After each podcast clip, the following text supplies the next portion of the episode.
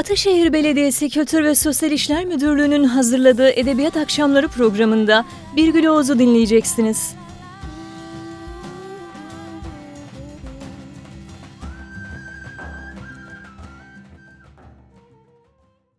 Merhabalar. Ataşehir Belediyesi Kültür İşleri'nin düzenlediği edebiyat akşamlarına hepiniz hoş geldiniz. Ben Okan. Bugün e, uzun bir aradan sonra istasyonla bize merhaba diyen e, Birgül Oğuz'u ağırlıyorum. E, Birgül Oğuz'u elbette tanıyoruz ve çok seviyoruz. Ancak ben e, kısaca biyografisinden de bahsetmek istiyorum. 81 doğumlu Bilgi Üniversitesi Karşılaştırmalı Edebiyat e, lisans programını e, ve kültürel incelemeler yüksek lisans programını bitirdi. E, öyküleri Varlık, Notos, Iowa Review gibi dergilerde yayımlandı. İlk öy, e, öykü dosyası Fasulye'nin bildiği e, Varlık Yaşar Nabi Nayır öykü ödülünü aldı 2007'de. İkinci kitabı Hah ile Avrupa Birliği Edebiyat Ödülüne değer görüldü ve Hah 8 dile çevrildi. 2013'te moda sahnesinde edebiyat dersleri vermeye başladı. Ee, Iowa Üniversitesi'ne bağlı Uluslararası Yazı Programı'nın e, 2015 yılındaki katılımcılarındandı. E, üçüncü kitabı ve bugünün merkezi olan istasyon ilk baskısını e, Kasım 2020'de yaptı ve hemen ardından ikinci baskıya e, ulaştı. Söyleşimizin başlığı bir soru işaretiyle birlikte sonraki durak. E, ben hem kitabı okurken e, hem de bu programa hazırlanırken kendi okuma biçimimi de başka bir noktaya taşımak adına bazı sorular sormuştum. Onlar da şöyleydi. Sözlüklerde ilk olarak taşıtların durmak zorunda olduğu veya durabileceği yer diye tanımlanır durak. Peki bir insan taşıdıklarıyla birlikte nerede ve ne zaman durmak ister? Durduğunda, idrak etmeye başladığında, hareketinin yönünü değiştirip derine, derekeye inmeye cüret ettiğinde ne olur? Edebiyat bu taşınanların durma hallerinin, idrakın ve cüretin neresindedir? Bence e, bu kelimeler bir gloz edebiyatı için e, sıklıkla anmamız gereken kelimeler. Hatta yası da ekleyebiliriz. Bu sorular etrafında istasyonun e, şifrelerini e, çözeceğimiz bir harita çıkaracağımız e, konuşma olmasını istiyorum. Hoş geldin Birgül. Hoş bulduk Okan. E, ben ilk olarak istasyonun e, türü üzerine konuşmak istiyorum. Aslında e, her ne kadar 21. yüzyılda türcü davranmanın hiçbir şeye, e, hiç kimseye hiçbir şey kazandırmayacağını bilsem de bu soru bizim için e, önemli. E, bir novella da denebilir, uzun hikaye de denebilir, hatta kısa roman diyenler de vardı. Bazı yorumlarda denk geldim. Bir yazar olarak anlatacağın meseleyle anlatma biçimi arasındaki ilişkinin duraklarını nasıl tanımlarsın? İstasyona formunu veren sebepler, e, aksiyonlar ve yazının kendisiyle kurduğun e, ilişki yazmanın ilk anlarında istasyon sana geldikten sonra seni e, nasıl tetikledi? Bununla başlayalım istiyorum. Um, evet, yani şöyle bir hikayeyi uzun uzun anlatacağımı biliyordum. Ee, uzun bir hikaye yazacağımı. Hikaye ve öykü sözcüklerini biraz aralarına anlam nüansı koyarak kullanıyorum. Yani öyküyü daha bir yazın türü gibi de hikaye işte olaylar, hikayede falan işte içerik daha sanki öyle bir yere doğru yaklaştırıyorum. Ee, bir, uzun bir hikaye anlatacağımı biliyordum. Bir de e, çok sevdiğim bir yazın türü novella. Elimde değil. Yani çok kötü yazılmış olsa bile novellayı seviyorum. Böyle bir e, e, şey var. E, istasyonun bir novella olacağını biliyordum. Bir novella yazmayı zaten çok istiyordum. Aslında bir önceki kitabımda da bunun izleri var biraz. Yani bir öykü kitabı ama aslında bir, büyüyünce novella olacağım falan diyor gibi. E, öyle bir e, hali var onun da. E, bu neyi sağladı? İstasyonu yazarken e, bir novella yazacağımı bildiğim için kısa roman diyemiyorum açıkçası. Bana göre e, daha fazla karakter olmalıydı, daha fazla bakış açısı olmalıydı, daha fazla kadrajı olmalıydı. E, öyle değil. Yani tam novella Bence neyse. de değil bu arada. Evet öyle davranıyor ama şey de değil. E, böyle uzun hikaye dediğimiz e, Bartleby falan gibi mesela Melville'in hani böyle meşhur tam bir uzun hikaye ya da işte Joyce'un Ölüleri gibi falan hani öyle bir uzun hikaye de değil. Yani şeyi var tam ortada bir yerde duruyor. Böyle bir ara tür olduğu için de ayrıca çok seviyorum novellayı. Ne o ne bu hem o hem bu falan gibi bir yanı var. E, bence benim hikayemin de öyle yanları vardı. Yani ölçüştüler. E, bir de o sınır duygusu yani yazdığım şeyin bir novella olduğunu bilmek e, müthiş bir rahatlık sağladı bana. Yani çünkü sınırlar olmadığında, o sınırlar netleşmediğinde, yazının sınırsızlığıyla baş başa kaldığımızda e, çaresizliğe yakın duygulara kapılabiliyor insan. E, ne yaptığımı bilmek, işte yaklaşık nasıl bir şey olacağını bilmek, en hiç değilse ebatlarını, hacmini yani metnimin e, okurlar için geçerli olacak hacmini e, bilmek e, çok iyi geldi yazarken bana. Kendimi çok daha özgür ve rahatlamış hissettim. Ya da rahatlamış hissettiğim için özgürleştim diyelim. Peki diğer kitaplarının yazım e, süreciyle karşılaştırırsan e, bu rahatlamak e, en azından diğerleri için ne söylersin? Yazıyla kurduğun o bağ nasıl e, ilerliyor? Yani nasıl yazıyorsun? Mesela kimileri acı çekerek yazdığını söylüyor. E, kimileri e, bir e, forma kendisini bayağı kaptırıyor. Kimileri gerçekten ilhamla beslenip sonradan e, çalışıyor diyelim. Evet. Ama şimdi bu rahatlama kelimesi önemli olduğu için soruyorum. Yani en azından e, bir şeyin içinde kaybolacağım da kaybolacağım şeyin ebatlarını bilmek gibi. Hiç değilse onunla ilgili bir fikrim var gibi. Evet. Ee, öyle bir şey. Yani yine boyumu aşıyor ama en azından işte kuyu 5 metreymiş de 25 metre değilmiş gibi falan. böyle bir şey. Aslında bir şey fark etmiyor yani 5 metreden düşünce de ölebilirsin. Ee, böyle bir o bilinmezliğe bir e, şerh, bir sınır koymak gibi bir e, şey herhalde. İçsel bir çaba var orada galiba. Hahta da vardı aslında e, ama orada böyle şey gibi, vahiy gibi bana çok daha e, aşırı yoğun sezgisel e, bir e, şekilde biliyordum e, kitabın kendi yordamını. Çok sezgiseldi ama hiç emin değildim. Çok karanlıkta kalan yanlar vardı. Ama ilk defa ilk kez sezdiğim şey neyse o ortaya çıktı en sonunda. Açığa çıkan şey o oldu yani kitap bittiğinde. Ama bunu o zamana kadar bilemedim. İstasyonda biraz daha e, kalkmıştı o sis. Daha aydınlıktı ortalık. E, bu hah için kullandığın vahiy kelimesini bir kenara not alıyorum. Eyvah! Ben buna döneceğim. e, şimdi istasyonda yola çıkmış ve e, yolda olmanın verdiği teyakkuzla e, hareket eden bir karakter görüyoruz en başında. E, anlatı açıldıkça da bu teyakkuz halinin sebep e, sebeplerini e, anlıyoruz aslında. Yani çok e, muğlak değil, biraz çözülmeye başlıyor mesele e, sürekli bir güven duygusu arayan, dünyayla, e, yaşadıklarıyla, ailesiyle, e, kendisiyle barışamayan bir karakter. Bu hatta ben e, Deniz'i okurken yer yer e, Turgut Uyar'ın işte herkes e, yüz yüze şiirini hatırladım. Kim barıştırır seni dünyayla hangi sulh hukuk? Ya gerçekten e, o şiire geri dönme isteği uyandırdı bende e, Deniz yer yer küstahlaştığı sahneleri de hatırlarsam aslında zor bir karakter. E, Deniz'le mücadele etme sürecin e, nasıldı? Yani bu böyle bir karakter nasıl yaratılır? Onu merak ediyorum. Bir mücadele vardı evet. Özellikle e, ilk yani kitabın ilk yarısını yazarken çok zorlandım. E, çünkü onun o o en sert yanı yani çok kabuklu bir e, insan zaten ama yani o, sürekli o en sert yanına ben de çarptım. O kadar gerçekti ki ve bütün mesele orayı yumuşatmaktı. Yani oraya böyle küçük bir geçit açmak ya da işte dışarısıyla içerisi arasında küçük bir geçit açmak. Ee, onun aç onu o çok zaman aldı ve ideal bir şekilde gerçekleşmedi o geçitin açılması da tam da denizden beklenebileceği üzere.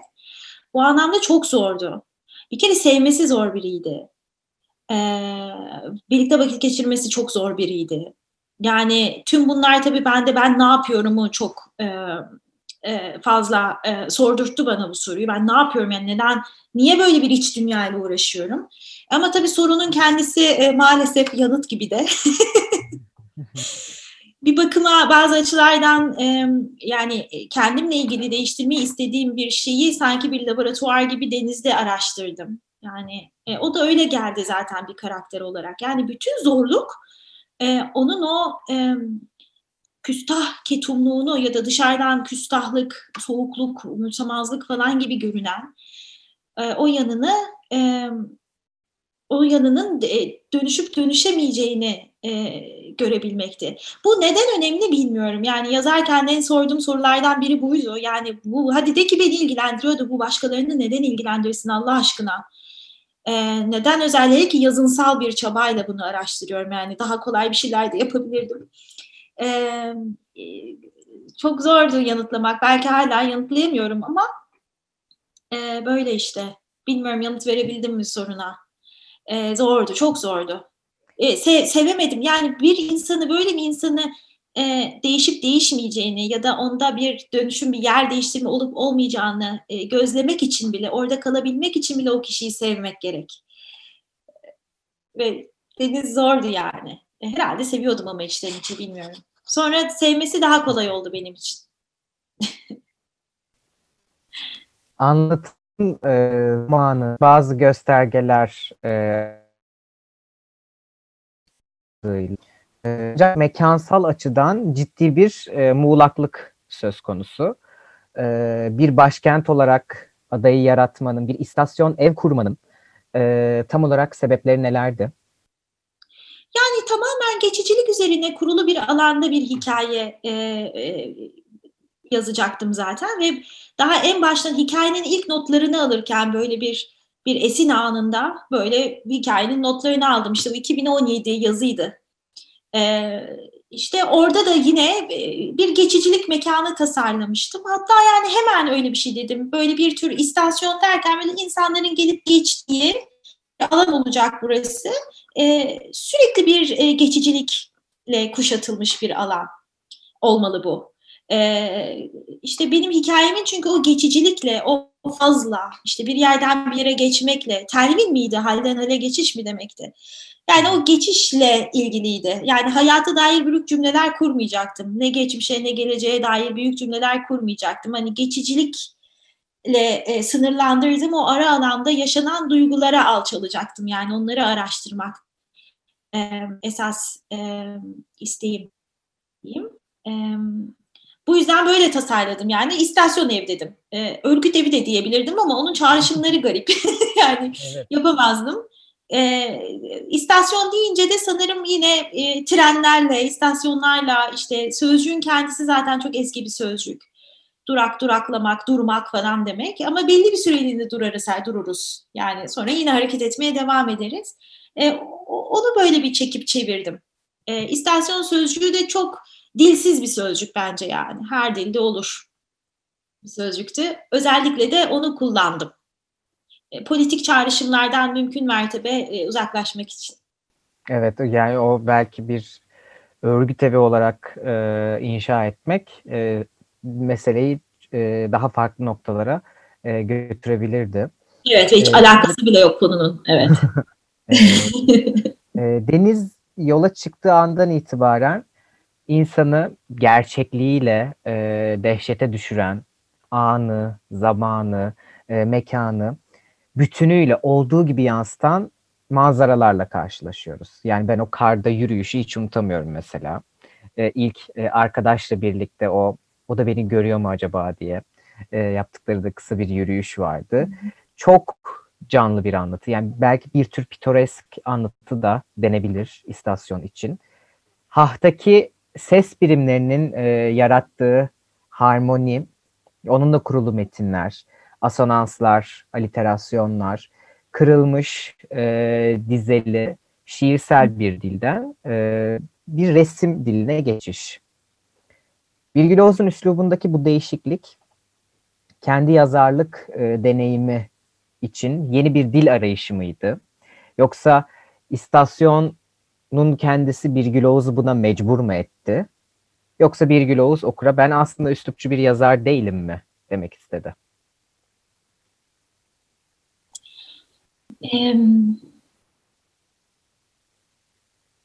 ben üslupçu değilim. yazarken de söylüyordum hatta bazen özür diler gibi ya ben üslupçu değilim Şimdi park değilim gibi sanki böyle e, çünkü çok ağır yoğun yani üslup yoğun bir şeyi var e, Hah'ın. E, yani onu yazmış biriyim ama uslupçu değilim gibi bir şey belki daha e, doğru bir tanım olur. E, istasyonda e, dil arayışı içindeydim ama bunun gerçekten çok spesifik bir gerekçesi vardı. Yani bu hikaye e, çok teşekkür ediyorum bu arada yani pitoresk e, bir anlatı olduğunu düşünmek yani bunu şimdi yapmaya başlayacağım galiba. Burada bir resimsel dil diye tanımlayabileceğimiz bir şey var mı? Ya da ne bileyim bazı şehirler pitoresktir bazıları değildir. İşte hatta bazen galiba bazı diller daha pitoresk. Bilmiyorum böyle bir genelleme yapabilir miyiz ama hani üzerine düşünmesi çok hoş bir şey gerçekten. Ve evet yani istasyon öyle bir metin oldu. Bunun birkaç gerekçesi var. Bir kere e, denizin e, sessizlikleri ve duraklamalarıyla ilgili böyle bir ağırlığı oldu metnin. Yani bunu dilsel olarak taşıyabilmenin yolu onu resimselleştirmekti. Çünkü sürekli durup bakan ve baktığı şeylerin biraz röntgenini çıkarıyor gibi yani alan. Yani dışarıda ne olup bittiğinden sürekli bir haber olmak isteyen e, bir yanı var Deniz'in. Birazcık belki yani dışarıyla ilişkisinde e, o yoğun aşırı du hassas, e, böyle duyargıları acayip açık yanı çok belirleyici. Yani sanki dışarıya ancak öyle katılabiliyor Deniz. E, onu çok iyi görerek. Yani çünkü iletişim kurmakta sıkıntıları var ama dışarıya gerçekten gerçek anlamda bakıp onu görebilen biri her ne kadar diyorlar girmese de ama o da bir şekilde onun e, hayatta ve dünyada olma yordamıydı. E, aynı şeyi tekst doğal olarak e, tabii ki tekrar etti. Yani onu e, taklit etti diyelim. Öyle olunca da böyle bir dil ortaya çıktı. Yani bu hem karakterin kendisinden kaynaklanıyor hem de hikayenin kendisi e, bunu gerektirdiği için. Değil daha mı sade, daha mı karmaşık bilmiyorum ama bu daha bir iç dünya metni ve sözcüklerle ilişkisinin e, daha anlam temelli olduğunu e, ben de görüyorum yani. Hahta ha her yere el atıyordu e, anlama ulaşabilmek için ya da bir anlama gelebilecek bir cümle kurabilmek için sadece sözcüklerin anlamlarından değil başka şeylerden de el alıyordu diyeyim.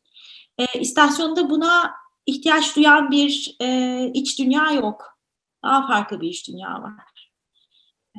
Bu yüzden de bunun metni böyle oldu. Ama bana göre birinci tekil olsa da bu metin.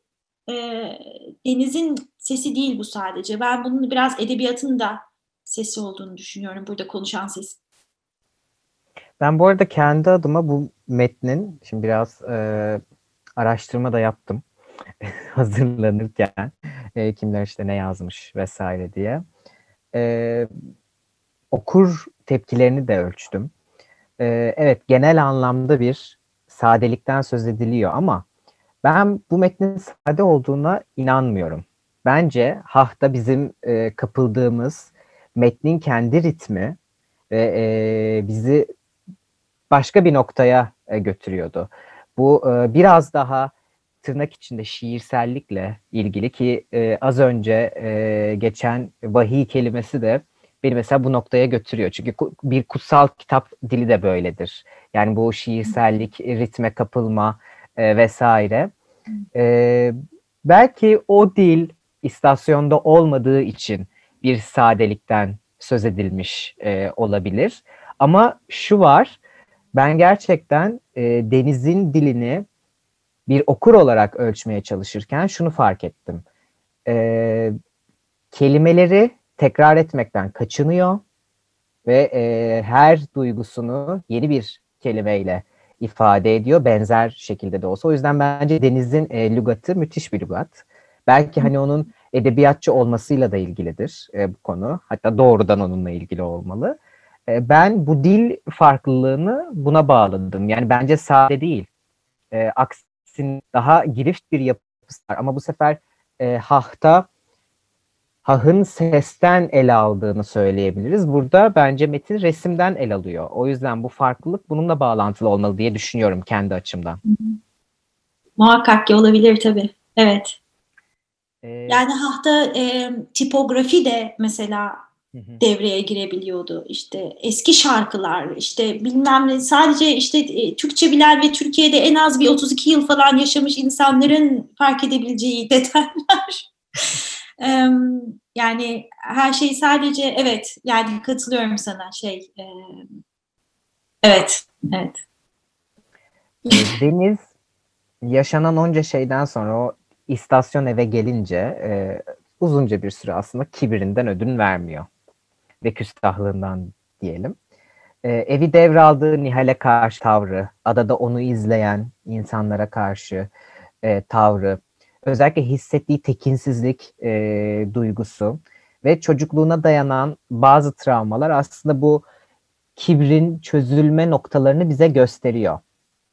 E, ta ki onu e, hayatı, yaşadıkları ve ilişkileri konusunda ilk kez titreten e, arkadaşla e, tanışana kadar. Oradan itibaren aslında bir takım çözülmelerle karşılaşıyoruz. Deniz'in hayatla kurduğu bağları idrak etmesi ve bu bağları e, yeniden gözden geçirmeye cüret etmesinde arkadaşın nasıl bir rolü var? İşte bu öyle bir soru ki e, böyle e, birkaç cümleyle özetlemek e, zor. Yani hayatımızda bazen hayatımıza bir şey girer. E, o şeyin bizde bir sürü şey değişime neden olduğunu 52 yıl sonra fark ederiz falan. E, geri dönüp bakınca. Tabii edebiyat bize hemen o retrospektif bakışı yani çünkü elimizde bir kitap var ve açıyoruz, okuyoruz ve bitiyor. Dolayısıyla geri dönüp retrospektif olarak hemen bu soruyu sorabiliyoruz. Senin de yaptığın gibi. E, çok heyecanlanıyorum aslında bu soruyla. Polik düzende yaşadığı için. Yani şöyle dışarıdan çok fazla şey yansıtmayayım e, köpeklerin iç dünyasına. E, ama e, arkadaşın e, kendisiyle dünya arasında kurduğu ilişkinin e, özünde otantik bir ilişki olduğunu düşünüyorum ben. Çok özgün bir ilişki o. Her şey bir ve tek. Hiçbir şey bir başka şeyin işlevine indirgenmiş değil. Hiçbir şey bir başka şeyin uzantısı değil. E, şeyler neyse o, öyleler falan. Ve e, haliyle arkadaşın gözünde Deniz de o otantik varlıklardan biri sadece. İşte öyle olunca e, ikisi yan yana geldiklerinde e, tabii bu Deniz için hemen mümkün olmadı. Hatta belki metnin sonuna kadar tam olarak mümkün olmadı. Metnin sonunda buna birazcık yaklaştığı bir an olduğunu fark ettim ama sonlarına doğru yani. Ee, ama bence Deniz ilk defa bir başka varlığın huzurunda yalnız kalabileceğini e, fark etmedi bile, hissetti. Önce deneyimledi. Önce deneyimledi. Sonra belki bunu bir şekilde e, dilin alanına ve düşüncenin ve bilincin alanına çekerek e, kendinin kıldı e, o deneyimi. E, arkadaş da bir varlık çünkü bütün talepleriyle, istekleriyle, arzularıyla, sıkıntılarıyla, ihtiyarlığıyla, işte e, o kokan tüyleriyle falan yani baştan ayağa bir e, varlık tabii ki. Sanki denizin dünyayla arasındaki o kabukta e, bir şeyin dönüşmesine e, bütün o zerafetiyle, e, bütün o hiç müdahaleci olmayan yanıyla arkadaş sebep oldu. Yani bunlar arkadaşın sayesinde gerçekleşti. Ama özünde gerçekleşen bence hakikaten de bir başkasının huzurunda yalnız kalınabileceğini e, deneyimlemek. Ki başımıza çok az gelen bir şey. Yani ben de iki insan arasında bunu kuramazdım zaten. Benim için bunu hayal etmek zor. Ama bir köpekle bir insan arasında e, kurabiliyorum. Tabii köpeğin kılavuz olduğu bir e, şey. Neyse. Zor bir soru ama Okan.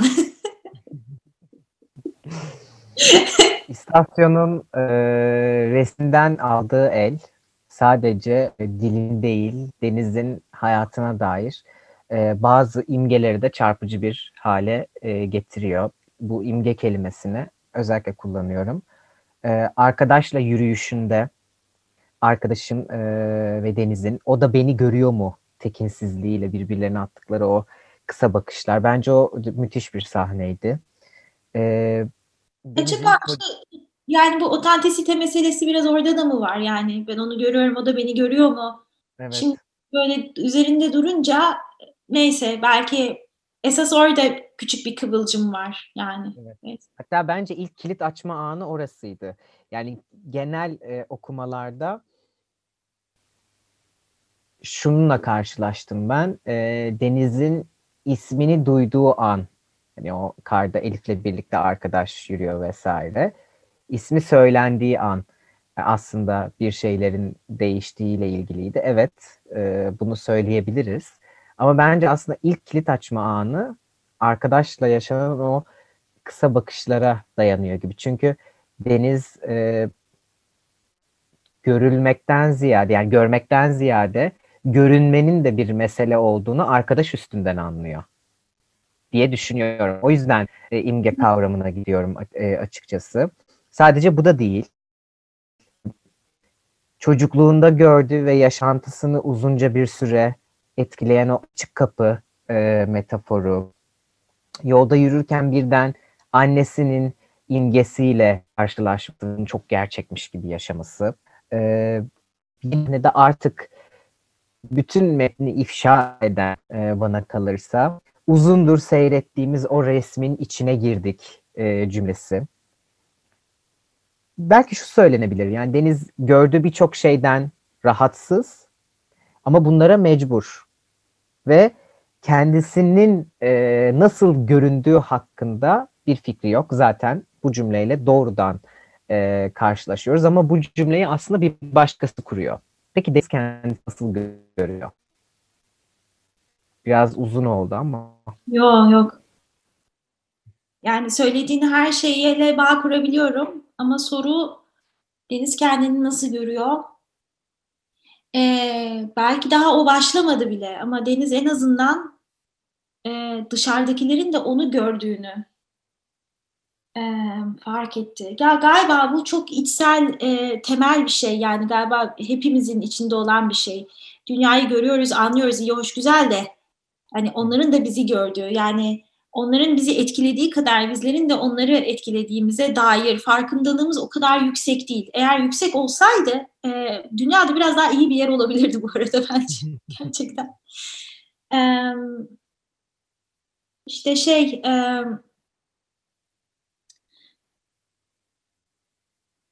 Deniz bence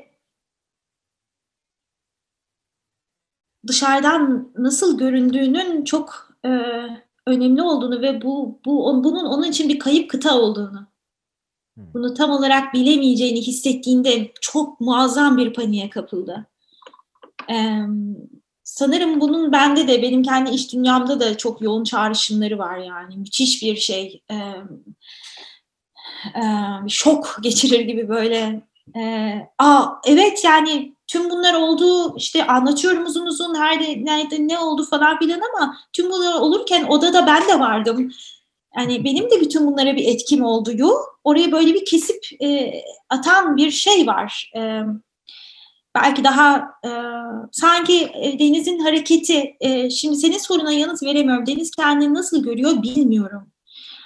Ama nasıl görünebileceğine dair küçük tefek emareler metnin sonuna doğru vardı. Mesela onun fiziksel olarak nasıl göründüğü metnin en sonunda falan ilk defa e, bir anlam kazanıyor falan ve o çok kendiliğinden oldu. Gerçekten nasıl göründüğüyle ilgili bir şeyler söyleyebildi. Ama bu daha henüz fizik görünümüyle ilgili. Mesela insanlarda bıraktığı duyguyu en fazla sezgisel düzeyde falan anlıyordur. O da e, bazen, sadece bazen. Birazcık e, sanırım tüm bunlar beni şey bir noktaya getiriyor. Yani denizin solipsistik bir e, yerde yaşadığı, dışa kapalı, neredeyse bir e, şizoid bir e, fanusun içinde. Bu sözcüğü bu arada e, bilerek kullanıyorum yani klinik anlamıyla kullanıyorum. Böyle bir fanus, e, bir şey yani içinde. E, öyle olunca da tabii ki kendini göremiyor.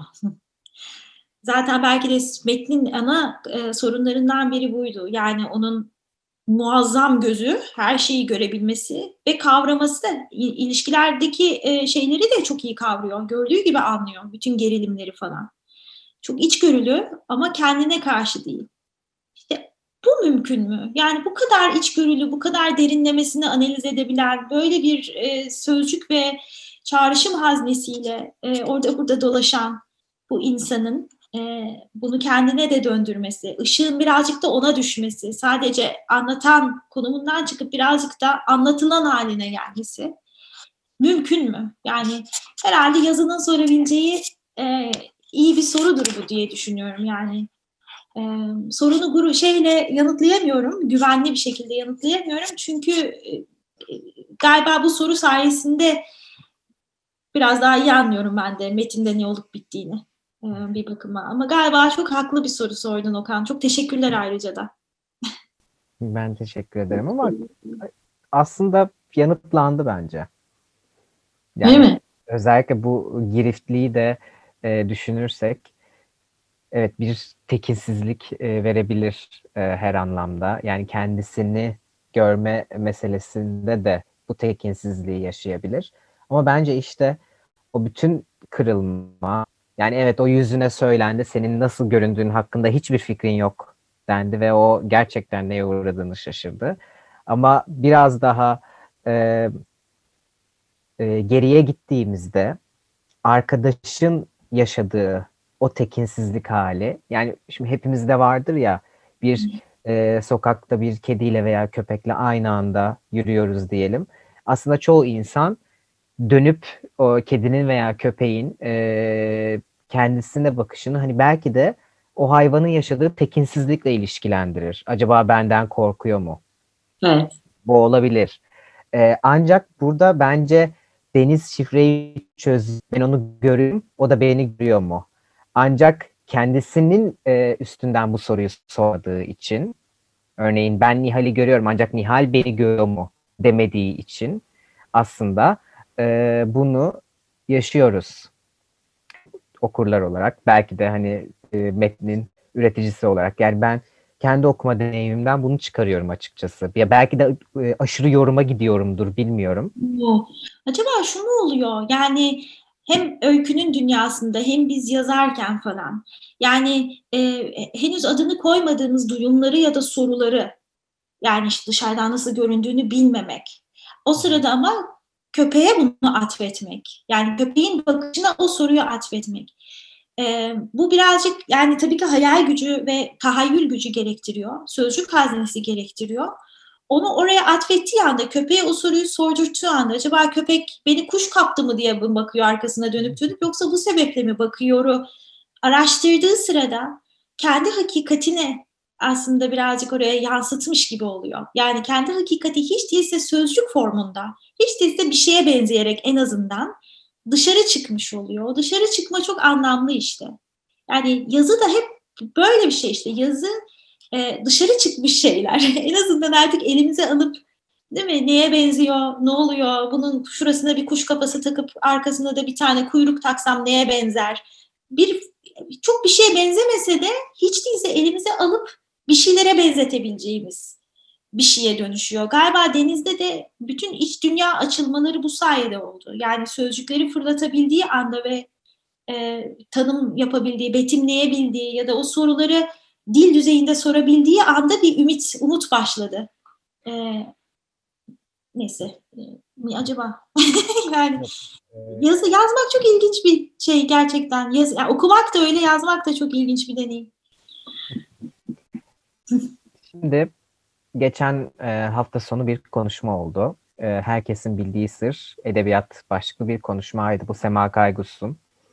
E, çok e, beni başka noktalara götüren bir soru sordu aslında. Biz kimin dilini konuşuyoruz? E, ardından e, bunu örneklerle çoğalttı. Babalarımızın dilini mi, fallik tipi tapınakların dilini mi, son derece seksist olan antik Yunan'ın e, dilini mi? Şimdi bu sorunun hem e, duyduğumuz anlatıcının içinde bulunduğu durum yani denizin içinde bulunduğu durum hem de e, kullandığı, ürettiği e, söylemin kilidini açabileceğini düşünüyorum açıkçası. Ebedi ve edebi anne baba motiflerinden biriyle karşılaşıyoruz e, istasyonda. Deniz'in annesiyle ve Elif'le kurduğu bu ilişkide yani bu ilişkiyi de düşünürsek e, Deniz kim dilini konuşuyor?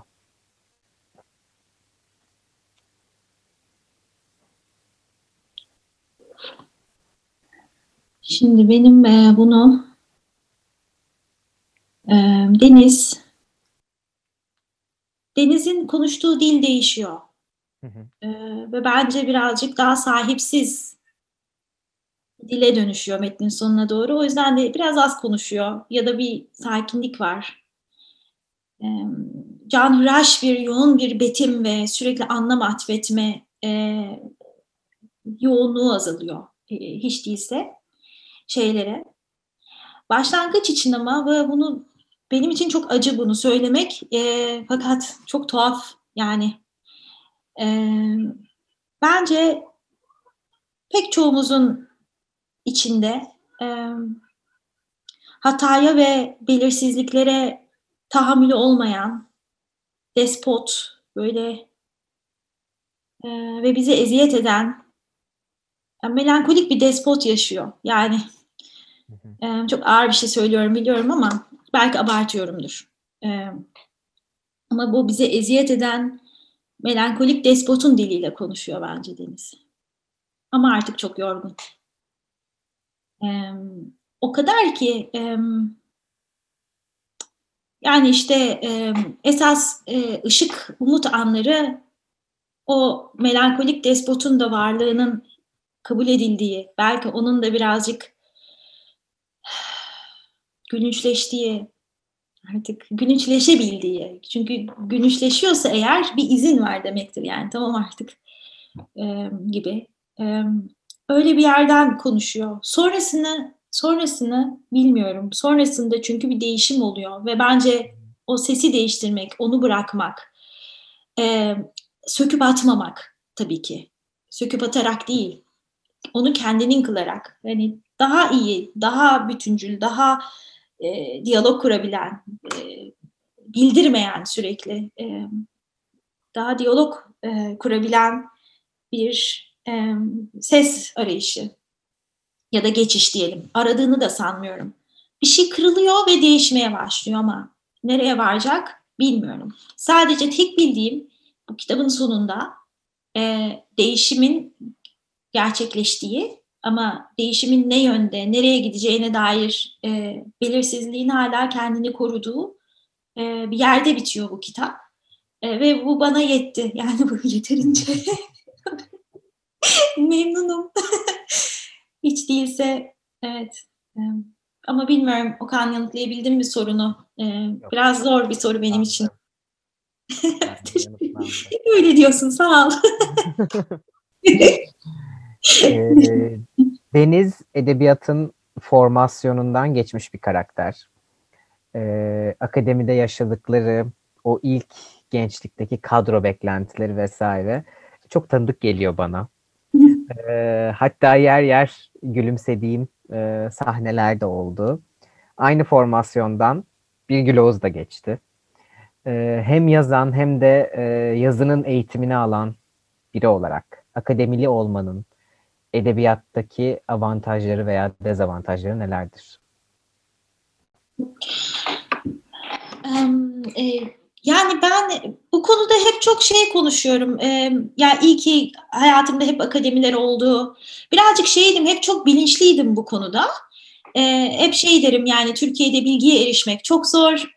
Yani güncel tartışmalara e, erişmek, onların farkında olabilmek çok zor Bizim bu yüzden akademilere çok ihtiyacımız var. Eğer imkanımız varsa, gitme imkanımız varsa orada bir yerde olmalıyız, durmalıyız. Bir de akademi benim için aynı zamanda bir çalışkanlık demek, bir dürüstlük, bir şeyin hakkını vermek, araştırma yapmak, derinleşmek, başkalarından yardım almak, sınıf arkadaşlarından, hocalarından, yani böyle kalabalık, yalnız olmadığın bir yer.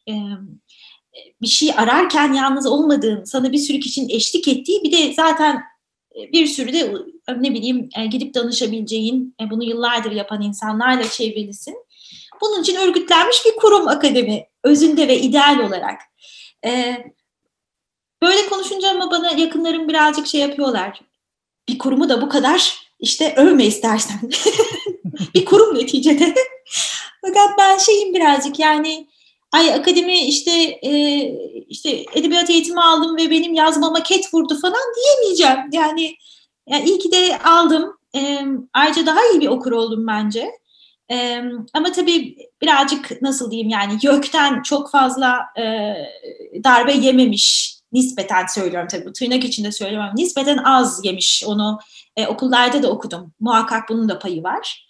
Yani o okulun kurumsallığından önce hocalar ve işte bütün o e, bilgi akışı benim için daha ön plandaydı. Bunun da muhakkak etkisi vardır yani. E, bana hep iyi geldi. Yani e, bence e, şu anda çok tadını çıkardığım e, okurluğumun e, birazcık okurluğumu biraz da eğitimime borçluyum. E, yani çok öğrendim ve eğer bu öğrendiklerim beni ketleyecekse yani zaten ketlesin yani ne diyeyim. E, uçurabilir çünkü onlar yani bu meseleye nasıl baktınız, bilgiyle nasıl bir ilişki kurduğunuza bağlı yani bir şeyi çok bilmek e, onu yapamaz hale geleceğimiz anlamına gelmiyor. Yani yemek borum nerede biliyorum diye e, yarın e, boğazıma yemek kaçıracak değilim yani. Hani e, o bilinçlilik bence o demek değil. Pandemi, yeni normaller, eve kapanmalar vesaire çalışmaları nasıl etkiledi? Yeni bir e, proje veya yazmakta olduğun yeni bir metin var mı? E, moda sahnesinde verdiğin dersleri kitaplaştırmayı düşünüyor musun örneğin? Ya bir ara düşünüyordum. E, şimdi yine vazgeçtim. E, aramda böyle bir e, bir mesafe açıldı yine. E, o metinlerle, o ders notlarıyla diyeyim. E, zaten ben onları düzenli olarak yeniliyordum.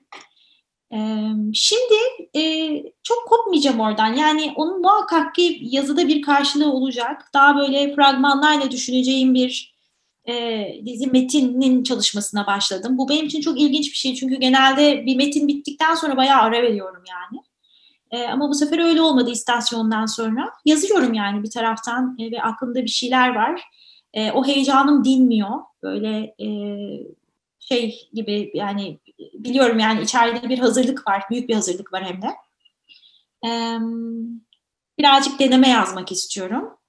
Ee, şimdilerde bir öykü yazıyorum ama yok yani aslında tam zamanı değil galiba. Yani e, takatim az e, kurmacanın içinde olmaya yani o yoğunlaşmaya e, ve her şeyin varlık kazanması ve saatler geçirmek, e, onları yazıda e, canlı hale getirmek için vermem gereken çabaya e, ona erişemiyorum. Yani biraz kondisyonum düşmüş. Yani bir dinlenmem gerek herhalde bilmiyorum. Ama e, şeyim e, uğraşıyorum yani.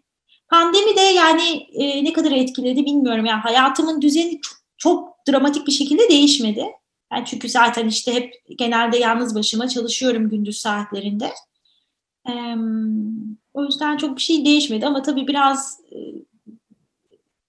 galiba e, her şey normalleştiğinde fark edeceğiz bu e, bir, bir buçuk yılda biraz neleri kaybettiğinizi.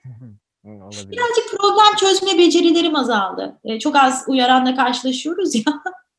Öyle bir sorun var. o kadar. E, son soruya geçiyorum. Tabii. Bu konuşma hem bir e, bellek yaratma açısından hem de poetikanın yazarla keşfi açısından önemli bir deneyim. Ancak bunu farklı bir noktaya taşıyalım istiyorum. Senin sesinle istasyondan e, ve hahtan pasajlar dinleyebilir miyiz? İlk üç paragrafını istasyonun düşündüm. Başlayayım mı? Tabii. Olur dedim, gelirim. İki saat sonra bavulum hazırdı. Gara vardığımda trenin kalkmasına hala bir saat vardı. Ne ilçeden ayrılmak duygulandırıyordu beni, ne başkente gidecek olmak. Yine de vagona yürürken acele ediyordum. Bir elde bilet, diğerinde bavul, etrafa şaşkın şaşkın bakan yolcular beni sinirlendiriyordu. Ve vagon girişindeki demir kulplara sımsıkı tutunup kendini basamaklardan yukarı çekmeye çalışan kadını sırtından içeri ittirmemek için kendimi zor tutmuştum. Yolda olmanın verdiği teyakkuz halindeydim. En azından 16 numaralı koltuğa ulaşıp yükümü bavul raflarına yerleştirinceye kadar. Ama tren hareket ettiğinde ki o sırada en az 15 dakikadır öylece oturuyor olmalıydım. Biri arkamdan hadi uyan diye dürtmüş gibi sarsıldım. Kalp atışlarımın sakinleşmesini gözlerim kapalı bekledim. Aniden havalanan büyük bir sığırcık sürüsü hayal ettim. Düzensiz öbekler halinde bir süre döndüler havada. Sonra tane tane kondular yere. Sonbaharda yağmur sonrası dökülen kızıl yapraklar gibi acelesiz. Gözlerimi açtığımda yumuşak doygun kış ışığına doğru hızlanıyordu tren.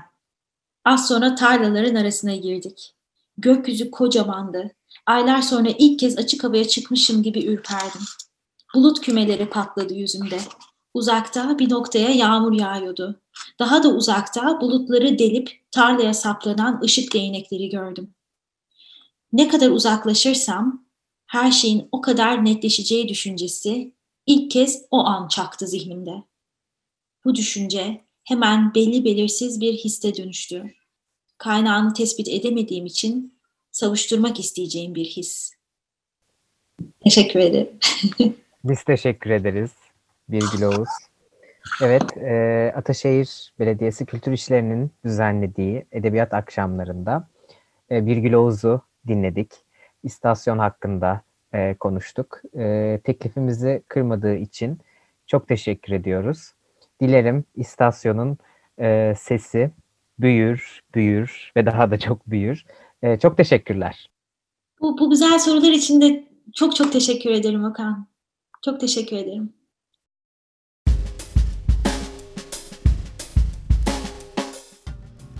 Edebiyat Akşamları programında Birgül Oğuz'u dinlediniz. Esenlikler dileriz.